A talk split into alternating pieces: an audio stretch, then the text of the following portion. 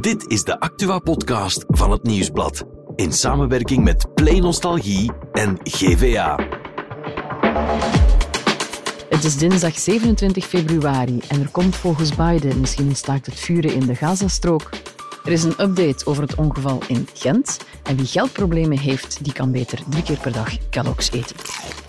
Maar eerst hebben we het over de oorlog in Oekraïne, want onze insider Hannes Hendricks ging mee naar Kiev met de en Co. Mijn naam is Nathalie Delporte en dit is de Insider. Two years ago, Russia attempted to take Kiev and to replace President Zelensky's democratically elected government with a puppet regime. And yet, here we stand, shoulder to shoulder, together with you, Mr. President. Zaterdag was het exact twee jaar geleden dat Rusland Oekraïne binnenviel. In veel landen werd bij dat moment stilgestaan en uiteraard zeker ook in Oekraïne zelf. Voor de gelegenheid ging nieuwsbladjournalist Hannes Hendricks mee naar daar. Dag Hannes. Dag Nathalie. Je was erbij hè? toen Ja. eh, Alexander de Croo, tijdelijk voorzitter van de Europese Unie, zijn door zichzelf uitgeroepen beste speech ooit daar gaf. Razom, razom do peremoi. Together, together, towards the victory.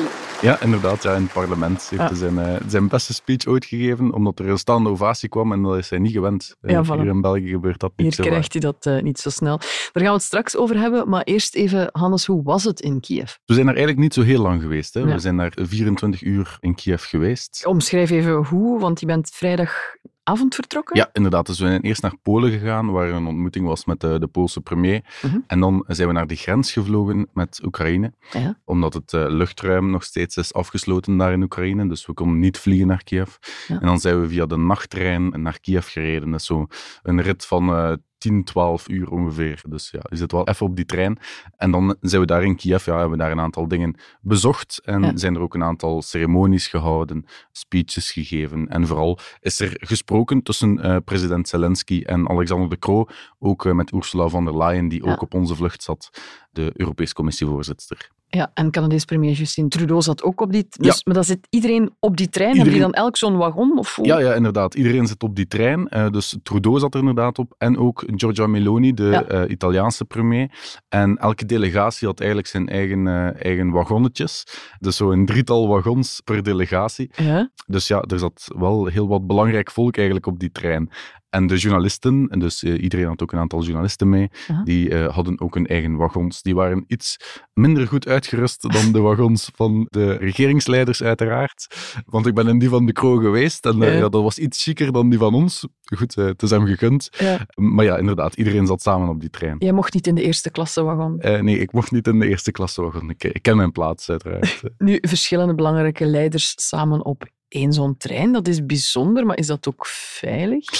Wel, ik heb mij laten vertellen dat ze in contacten met de Russen dat wel hebben aangegeven dat er eh, nogal wat belangrijk volk op die trein zat en dat het eh, toch wel de bedoeling was dat die trein met rust zou gelaten worden. Nu, eigenlijk is dat zo een beetje raar, want stel dat er een aanslag op die trein komt, Ah. dat zou uiteraard eh, wereldnieuws zijn. Niet alleen wereldnieuws, denk ik. Ja, inderdaad. Maar ja, dat zou ook gewoon tot een derde wereldoorlog Voilà. leiden. Dus vandaar dat ze ook wel vrij gerust op waren dat die trein met rust gelaten zou worden. Ja, ja. Nu, dat bezoek dat was niet alleen symbolisch omwille van die, die tweede ja, verjaardag, mag je het niet noemen, hè? Eh, maar dus twee jaar oorlog. Wat was de bedoeling van het bezoek? Wel, de bedoeling was eigenlijk dat Zelensky met een soort eisenpakket kwam. Mhm. Omdat ze het ja, gewoon al maar moeilijker en moeilijker krijgen in die oorlog eh, tegen Rusland.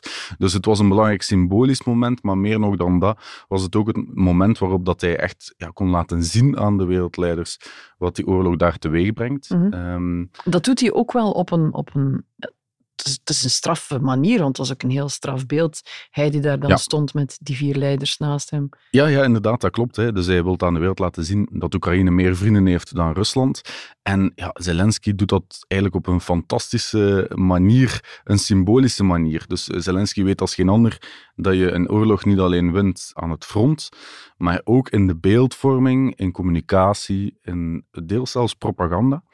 Dus wat had hij gedaan? Hij had eigenlijk die, die vier wereldleiders daar uitgenodigd op die airport uh, Hostomel, ja. waar er zwaar gevochten is. Hij liet er dan ja, kapotgeschoten vliegtuigen zien enzovoort. Uh, hij was daar selfies aan het nemen, filmpjes aan het nemen ook, om dat aan iedereen te laten zien ja. wat die oorlog daar teweeg brengt. En om op die manier eigenlijk ja, uh, leverage te hebben om met die wereldleiders te gaan onderhandelen, te spreken.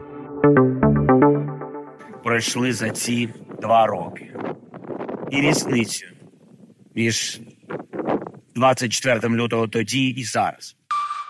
Je hebt geen selfie met hem, maar je bent hem wel bijna omver gaan lopen. Ja, inderdaad. Ja. Zo gaat het verhaal, uh, dat klopt. Nee, Uh, nee, het is geen verhaal. Het Nee, is het is, ja, het, is, het is realiteit. Eh, Vertel. dus we moesten daar allemaal aanschuiven als journalisten zijnde om op die eh, luchthaven te geraken. Ja. Dat was nogal lang aanschuiven. Je moest dan door een klein poortje, ja, waar dat je dan gecontroleerd werd, en je gsm moest afgeven. Mhm. Want ja, de Russen mochten uiteraard ook niet weten dat die ceremonie daar plaatsvond. Dus vandaar, we mochten geen real-time beelden maken en die Bijvoorbeeld ja, op onze nieuwsite zetten of zo. Maar ja, de aanschuiven duurde zo lang dat ik eh, dringend naar het toilet moest. Dat overkomt nou al eens. Eh, en ik vroeg daar dus aan een soldaat eh, waar de toiletten daar waren. Eh, bleek dat er geen waren. Die soldaat zei tegen mij, you can do it everywhere, everywhere. dus ja, ben ik daar even gaan lopen, samen met een collega van de morgen, om de dichtstbijzijnde boom te zoeken. Echt? Ja, maar dan zagen we een ander wegje die ook uitkwam op die ceremonieplaats. Mhm. En dan zijn we gewoon ja, daar zo, wat als Alice in Wonderland zijnde, op die ceremonieplaats terechtgekomen. We hebben gewoon vriendelijk geknikt naar die militairen en we moesten onze gsm dus niet afgeven. Ja. Dus ja, om maar te zeggen, er zitten wel wat gaten in de defensie van, Lijkt eh, wel, ja. van de Oekraïners. En ja, dus het grappige moment was dan ook, ja, normaal gezien, als je de reguliere weg volgde, kwam je daar frontaal tegenover Zelensky te staan. Maar wij benaderden hem langs de achterkant. Dus ja, daar stond gewoon een man met wat militairen rond hem. En wij zijn gewoon dwars door die groep gewandeld. En- En er waren allemaal fotografen die zo naar ons teken aan het doen waren van ga uit de weg, ga uit de weg. En ik dacht, allee, wat doen wij hier nu weer verkeerd? Ja, Eh, maar wat- bleek dat dat dus Zelensky was. En dan was de Robin Raamakers, de oorlogsjournalist van VTM, die ons zei van ja, je hebt eh, bijna Zelensky omvergelopen. En dan dacht ik, oei, dus kan toch precies niet de bedoeling zijn. Oh, ja. Hanne- wou het nieuws halen. Ja, inderdaad. If today your soldiers must retreat, it is not because they lack valor, but because they do not have enough ammunition. If today your pilots do not dominate the Ukrainian skies, it is not because they lack flying skills, but because they do not have enough fighter planes. If today we fail to supply you with what you need, we must admit that we must do more and we must admit that we must do better. Razom, razom do perimohi. Together, together towards the victory. Ja, je bent eh, gelukkig niet op die luchthaven achtergebleven, Nee. Hannes, na dat hele verhaal. We hoorden hier net Alexander de Croo tijdens een speech die hem een staande ovatie effectief opleverde in het Oekraïense parlement in Kiev. Waar was jij op dat moment? Eh, wij zaten ergens in een zaaltje eh, dat grensde aan het parlement. Want we mochten zelf de speech niet bijwonen. De premier had dat wel gevraagd. Maar Ah. om veiligheidsredenen mochten we daar niet bij zijn. Dus we hebben ergens in een zaaltje op tv gekeken naar de speech van Alexander de Croo. Oké. Waar hij dus een staande ovatie kreeg. Ja. Eh, hij lijkt geliefd, lijkt met Zelensky een goede relatie te hebben ook. Eh, ja, inderdaad. Hij heeft hem nu al een paar keer gezien. Hè. En ja, het is natuurlijk zo, de Croo komt daar ook met een boodschap die de Oekraïners wel kunnen smaken. Hè. Eh, dus ja, de Croo komt daar vertellen dat de Oekraïners eh, ware helden zijn die Europa aan het verdedigen zijn en dat Europa alles zal doen om hen te helpen. Mhm. Het is echt zo ja, een, een positieve boodschap. Het is niet dat er ergens iets, eh, iets negatiefs aan zit. Dus die Oekraïners kunnen dat, kunnen dat smaken. Die zijn ook vooral in dat parlement dan pro-Europa. Dus ja, vandaar de staande ovatie en de Croo die niets fout kon doen. Ja, en je komt dan heel dicht bij al die mensen. Heb je dan zicht op hoe hun persoonlijke relatie is? Ehm, Hebben Dus- die een persoonlijke relatie? wel, ik laat me vertellen dat de Croo en Zelensky geen WhatsAppjes uitwisselen, bijvoorbeeld. Ja. Dus het is niet zo... Ja, de band tussen bijvoorbeeld von der Leyen en de Croo die is echt heel hecht. Ja. Die overleggen over van alles en nog wat. Die zitten bij elkaar op de trein. Die gaan bij Inderdaad, elkaar het- langs op, op hun het wagon. vliegtuig. Ja, nee, nee, klopt, Ook, inderdaad. Ja. waar dat er dan gewoon direct eh, gesproken wordt. Ja. Maar ja, de band tussen De Croo en Zelensky, ja, dat is een goede verstandhouding, maar wel een politieke verstandhouding. Mhm. Omdat ze, ja, ze rijden voor hetzelfde doel, maar het is niet zo dat ze bij elkaar op de koffie komen. Ja. En als Dan- jij het met de Kro over Zelensky hebt? Wel, de Croo zegt eigenlijk dat Zelensky, ehm, hij heeft er heel veel respect voor.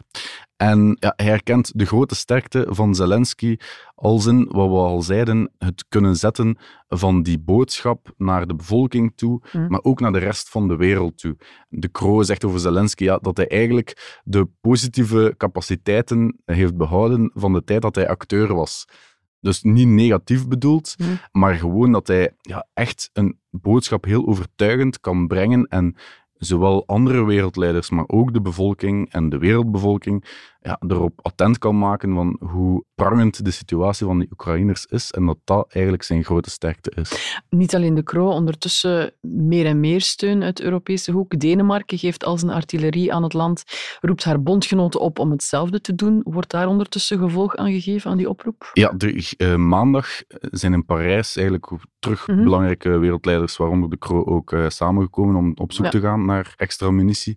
Want dat is wel op dit moment waar het schoentje knelt. Mhm. Ja, er is heel veel morele steun voor Oekraïne, maar vooral vanuit Europa, ja, we kunnen maar geven wat we hebben. Mhm. En bijvoorbeeld als België zijnde, ja, we hebben eigenlijk al meer gegeven dan we kunnen geven. Mhm. Dus ja, die aanvoerlijn vanuit Europa, die is aan het opdrogen.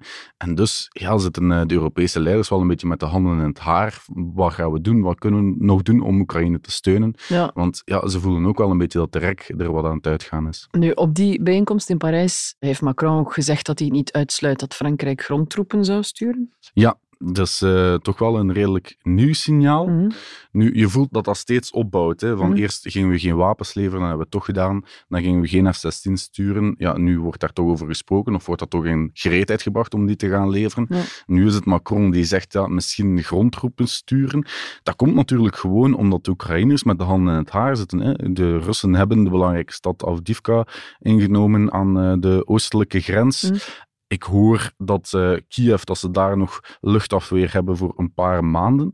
Dus ja, de vraag is nu wel, je komt in het derde jaar van die oorlog. Het is heel duidelijk, Oekraïne kan het niet winnen op zichzelf. Ja. Dus ja, Europa zal een tandje moeten bijsteken. Ja, Tsjechië heeft ook een initiatief eh, uitgeroepen. Die gaan munitie halen buiten Europa, willen niet zeggen waar. Nee, inderdaad, een beetje, een beetje vreemd, eh, dat klopt. Ja, maar het is wel duidelijk, ineens alle hens aan dek. Hè? Ja, ja, ja, inderdaad. Ja. Daarom ook dat Trudeau daar bijvoorbeeld was hè, in Kiev.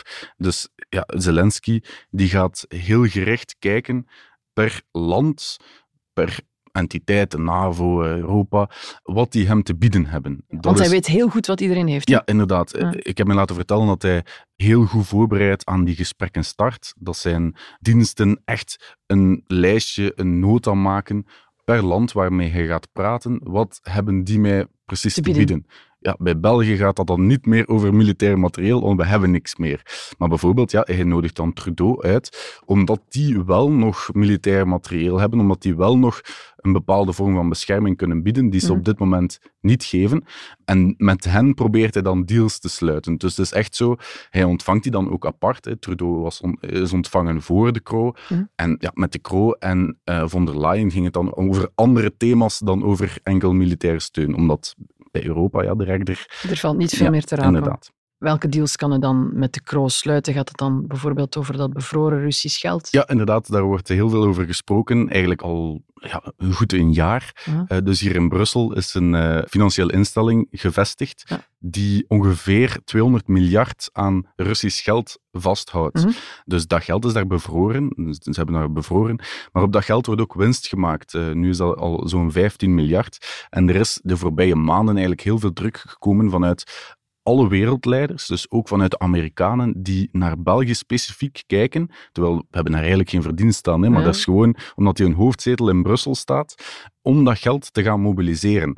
En dat is wat de Kro eigenlijk de voorbije weken heeft gedaan. Hij heeft gezegd, ja, ik wil dat niet alleen doen, Mhm. dat geld gaan mobiliseren, want ja, stel binnen 20 jaar dat Rusland dan komt van ja, eh, jullie hebben ons geld gestolen. Dat lijkt me Dus- wel heftig, ja. Ja, inderdaad, dat wil hij zeker niet doen. Maar hij heeft nu wel met de Europese Commissie wel een oplossing uitgedokterd om dus de winst die gemaakt is op dat geld, dat geld is belegd geweest, om die 15 miljard die te gaan eh, aanwenden, die te gaan gebruiken om aan Oekraïne te geven. Eh, niet per se militaire steun is dat, maar gewoon geld om Oekraïne ja, te gaan heropbouwen, Ja. aangezien dat alles daar kapotgeschoten is. Terwijl er ook stemmen opgaan om ineens al het geld dan Klopt, te geven. inderdaad. Dat zijn dan vooral de stemmen buiten Europa, vooral de Verenigde Staten en het Verenigd Koninkrijk, die zeggen, ja, 200 miljard, hè, daar kan je wel wat mee doen.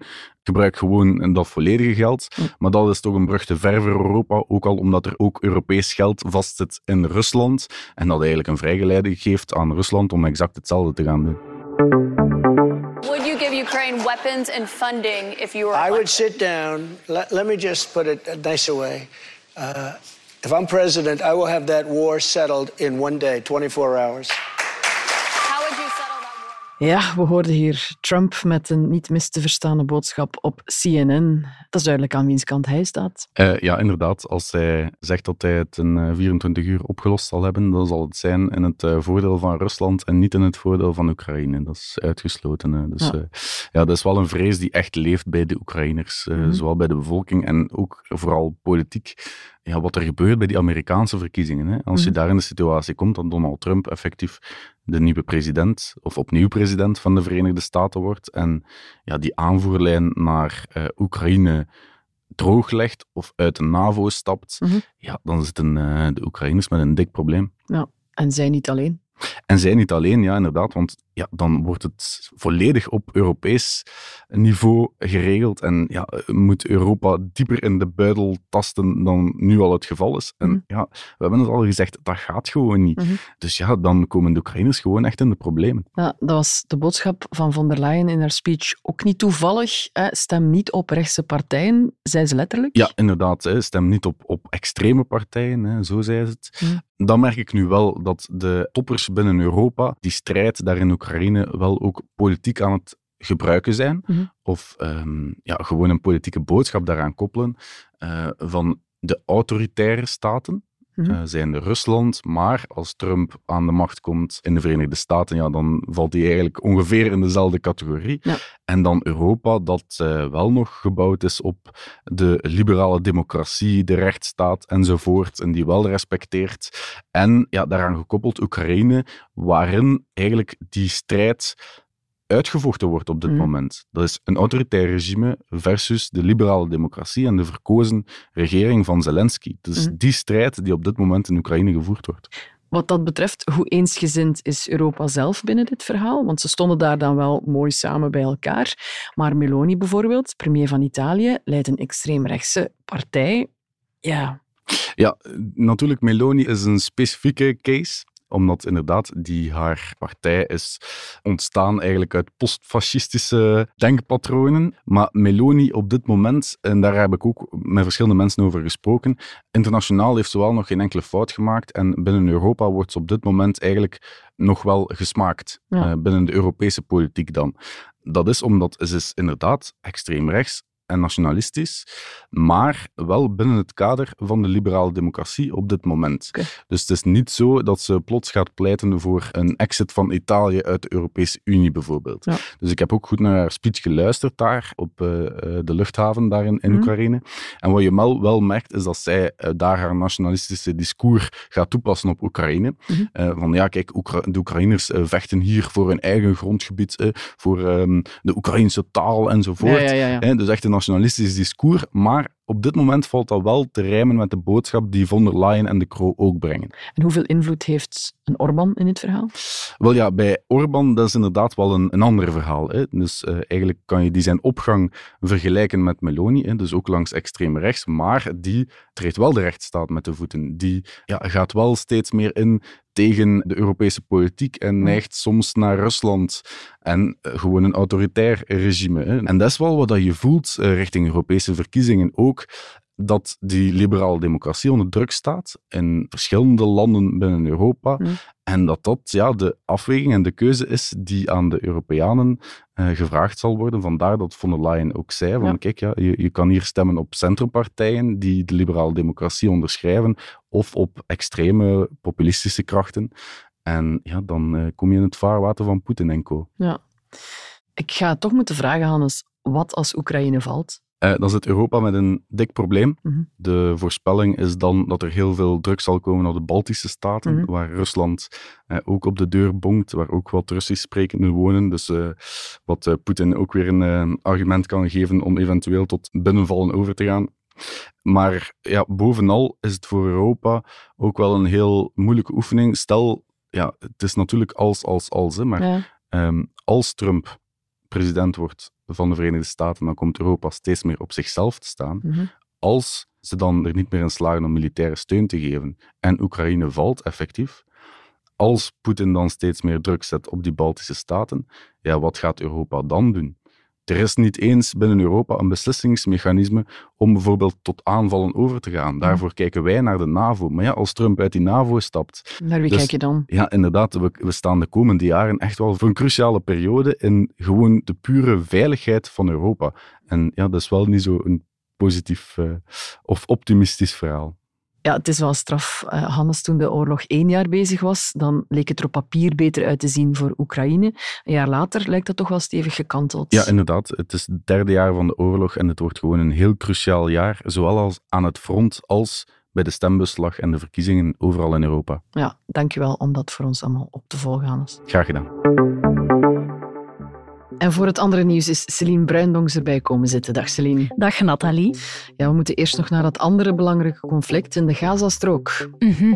Ja, de Amerikaanse president Biden die zegt dat hij goede hoop heeft dat er maandag een staakt het vuren komt. Opvallend. Ja, de onderhandelingen daarover die zijn al wel een tijdje aan de gang tussen de Verenigde Staten, Israël, maar ook Egypte en Qatar om te bemiddelen. En het gaat dus over een deal waarbij er Israëlische gijzelaars vrijgelaten worden in ruil voor een tijdelijk staakt het vuren van zo'n zes maanden, ook tijdens de Ramadan. En hoe ziet zo'n deal er dan uit? Ja, dus er zouden dan Palestijnse gevangenen ook vrijgelaten worden in Israël. En volgens anonieme bronnen staat dus één Israëliër voor tien Palestijnse gevangenen. En in die periode zouden er ook dagelijks 500 vrachtwagens met hulpgoederen de Gazastrook binnen kunnen. Brood nodig. Ja, dat is daar echt nodig, want ze hebben heel veel honger, er is te weinig voedsel en de sanitaire omstandigheden zijn er verschrikkelijk. Ja, ik hoor je wel veel het woord zou uitspreken. Ja, het staat nog niet vast natuurlijk. Hè. Het is nog even afwachten. Over naar Gent. Daar is meer informatie over het dodelijke verkeersongeval van afgelopen weekend, waarbij twee wielertoeristen omkwamen. Ze werden aangereden door een man waarvan we ondertussen weten hoeveel hij gedronken had. Ja, dat klopt. Hij had maar liefst drie promille alcohol in zijn bloed. Daar moet je al iets voor gedronken hebben. Ja, dat is echt heel veel. Het komt overeen met 13 à 14 glazen. En eh, de man zegt ook dat hij zich niks meer van het ongeval herinnert.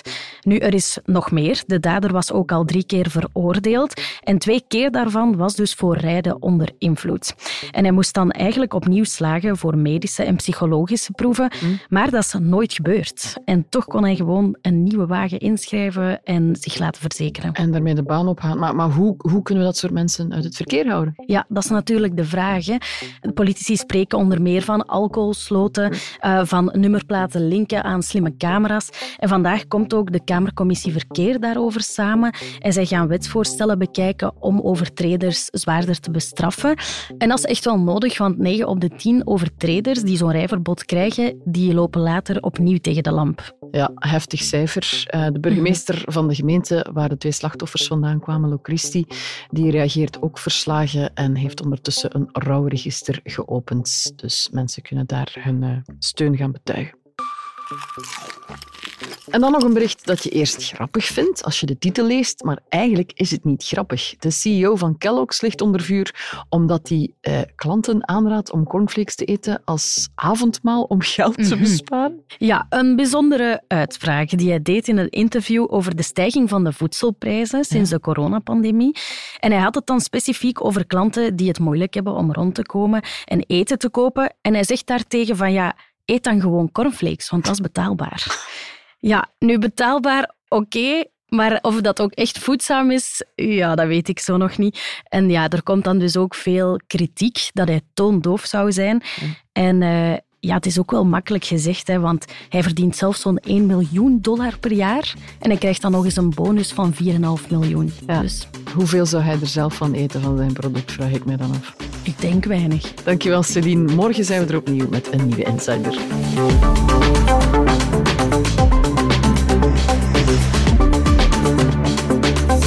Dit was The Insider, een podcast van het Nieuwsblad in samenwerking met Play Nostalgie en GVA.